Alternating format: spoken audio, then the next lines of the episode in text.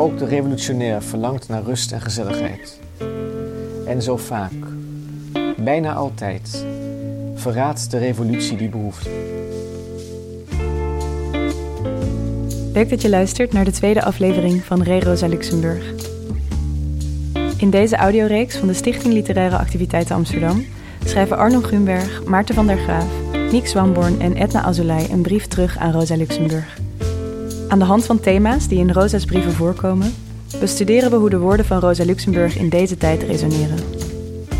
Vandaag ga je luisteren naar een brief over gevangenschap en vrijheid, geschreven en voorgelezen door schrijver Arno Grunberg. De brief van Rosa, waarop Arnon reageert, wordt voorgelezen door regisseur en zangeres Rebecca Nilsson. Aan Kostja Zetkin, Friedenau, 22 augustus 1908, zaterdag. Doedoe, geliefde. Vandaag heb ik voor het eerst de natuur geschilderd. Ik reed naar de slachtenzee en brandde van ongeduld. Maar God, wat een moeilijkheden.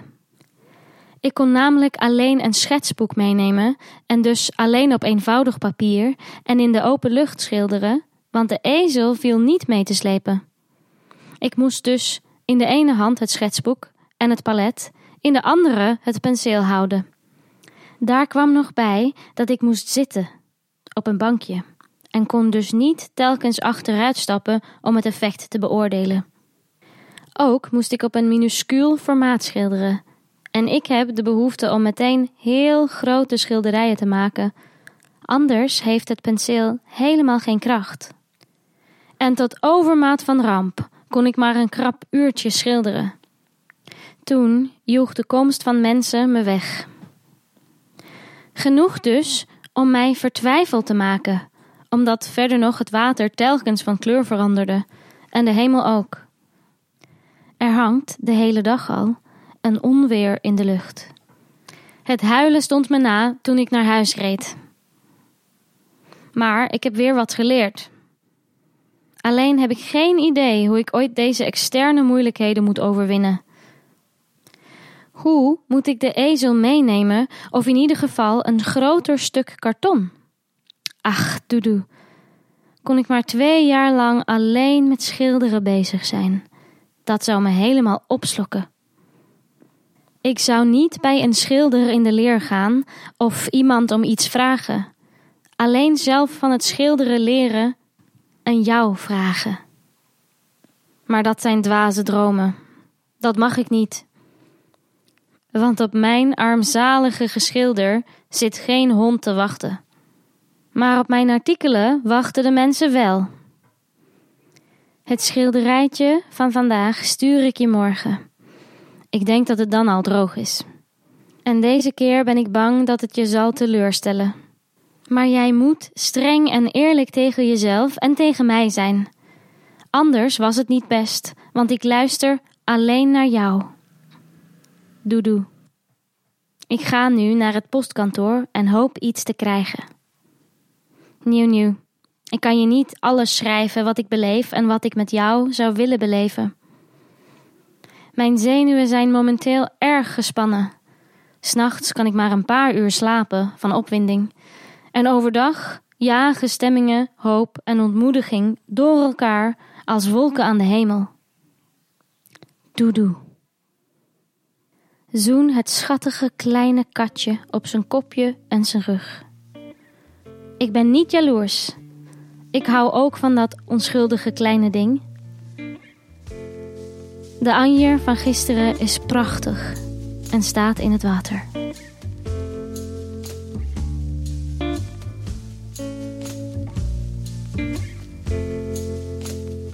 Amsterdam, 19 maart 2020. Lieve Rosa Luxemburg, mijn vader liet zo af en toe aan tafel jouw naam vallen. Altijd met een zekere tederheid. Alsof hij jou persoonlijk gekend had. In zijn jonge jaren schijnt hij communist te zijn geweest, maar hij viel snel van zijn geloof. Hij viel snel van elk geloof en eindigde daarom als scepticus, die er genoeg aan beleefde in zijn tuin te werken. Het gevaar bestaat dat men zich teleurgesteld van de mensen afwendt en zich richt tot honden, katten en bomen. Bij gebrek aan huisdieren is er dan nog altijd de tuin. Misschien zouden we dat geen gevaar moeten noemen. Ook jij bent, geloof ik, niet helemaal aan het gevaar van onthutsende teleurstelling ontsnapt. Getuige je bewering op het eind van je leven dat je naar de dood in de strijd verlangt. Zo schreef je aan de weduwe van kameraad Wolfgang Fernbach, die in het revolutionaire Berlijn van januari 1919 was gesneuveld. Ich selbst habe nur den einen Wunsch, auch meinen Tod im Kampf um unsere Sache zu finden. Misschien was het bedoeld om de weduwe van kameraad Fernbach te troosten. Maar ik meen, na lezing van een selectie uit je brieven en de biografie die Ernst Pieper over je schreef, dat jouw doodswens ernstig was. Alsof je besefte dat de zaak, onze Sache, waarvoor je je hele leven had gestreden, te gronden zou gaan. En jij ook met die zaak te gronden wilde gaan. Een eervolle dood. Het is nog altijd een nijpende vraag.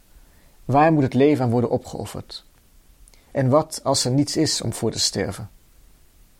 Een dergelijk leven kan worden uitgelegd als het naakte hedonisme, het pure individualisme. In plaats van de dood in de strijd, het wieden van onkruid in de tuin. Waaraan menigeen zo'n hekel heeft, omdat het verlangen naar gemeenschap en bijbehorende grote idealen ons niet loslaat.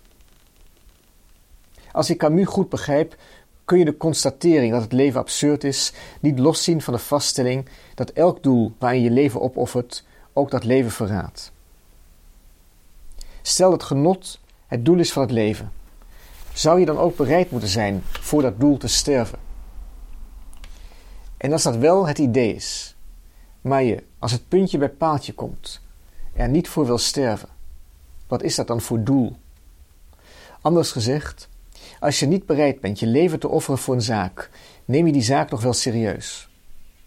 En als je wel voor bereid bent te sterven, verraad je je leven dan niet. Hoewel een moeder die zegt: Ik zal sterven omdat mijn kinderen kunnen leven, ook biologisch, evolutionair gezien, een begrijpelijke keuze maakt. Maar daarmee is nog niet elk genot verdacht. En hoewel jij voor de zaak, oftewel de revolutie, wilde sterven, en daar uiteindelijk voor bent gestorven. De historicus Paul Hanebrink meende dat jouw moordenaars het ook specifiek op jou hadden voorzien omdat je joods was. Heb je bijna een leven lang, zo blijkt uit je brieven, oog gehad voor dat genot. Zo schreef je op 22 augustus 1908, een zaterdag, aan je geliefde Kostja Zetkin. Nieuw nieuw. Ik kan je niet alles schrijven wat ik beleef en wat ik met jou zou willen beleven. Mijn zenuwen zijn momenteel erg gespannen. S'nachts kan ik maar een paar uur slapen van opwinding. En overdag jagen stemmingen, hoop en ontmoediging door elkaar als wolken aan de hemel. Kort daarvoor had je je geliefde Kostja Dudu genoemd. Schrijven aan doden heeft altijd iets hooghartigs en halfslachtigs. Zeker als je de doden niet hebt gekend. Maar Karel van het Reven stelt dat het noemen van de namen van de doden de doden in leven houdt. In wezen is dat een religieuze opvatting, hoewel hij totaal niet religieus was. Door jou te schrijven houd ik mijn vader in leven, aan wie ik verzuimd heb te vragen naar zijn communistische tijd. Aan wie ik überhaupt verzuimd heb veel vragen te stellen. En misschien hou ik ook Kostja Zetkin een beetje in leven, die Dudu en die Juniu werd genoemd. Men moet de koosnaampjes van de doden niet vergeten. Kostja heeft anders dan jij alle oorlogen en slachtpartijen overleefd. Hij emigreerde via Rusland, Frankrijk en Amerika naar Canada, waar hij in 1980, op 95-jarige leeftijd in het dorpje Half Moon Bay, ruim 80 kilometer ten noordwesten van Vancouver, is gestorven. Het is bijna niet voor te stellen dat een link bestaat tussen Half Moon Bay eind jaren 70 en het revolutionaire Berlijn van 1919.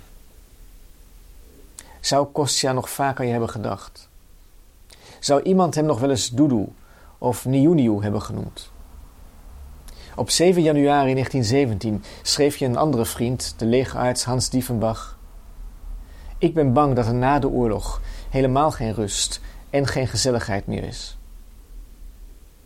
Ook de revolutionair verlangt naar rust en gezelligheid.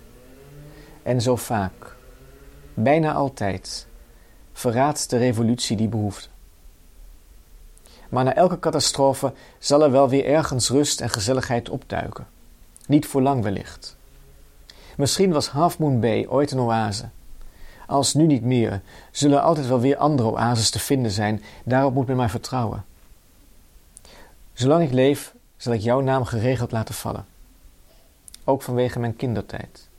De band met het verleden moet niet worden verbroken. En als fatsoenlijke anti-revolutionair meen ik het verlangen naar revolutie goed te begrijpen. Lieve goed, Arno Grunberg. Arnon Grunberg is schrijver en journalist. Hij schreef onder andere Blauwe Maandagen, Teerza, Moedervlekken en Bezette Gebieden. Zijn werk wordt vertaald in vele landen en is meerdere malen bekroond. Je luisterde naar een aflevering van Re Rosa Luxemburg. Re Rosa Luxemburg is een audioreeks van de Stichting Literaire Activiteiten Amsterdam. Deze podcast is gemaakt door Maarten Westerveen en mij, Sanne Pieters. Met dank aan Eva van Drie van Uitgeverij van Oorschot. De muziek van deze reeks is gemaakt door Jasper Molle. Te vinden op Spotify onder Jasper met een Y. De brieven uit deze audioreeks komen uit Ik voel me in de hele wereld thuis. Verschenen bij Uitgeverij van Oorschot en samengesteld en vertaald door M. Verdaasdonk, Ingrid Wildschut, Jan Sietsma en Uitgeverij van Oorschot.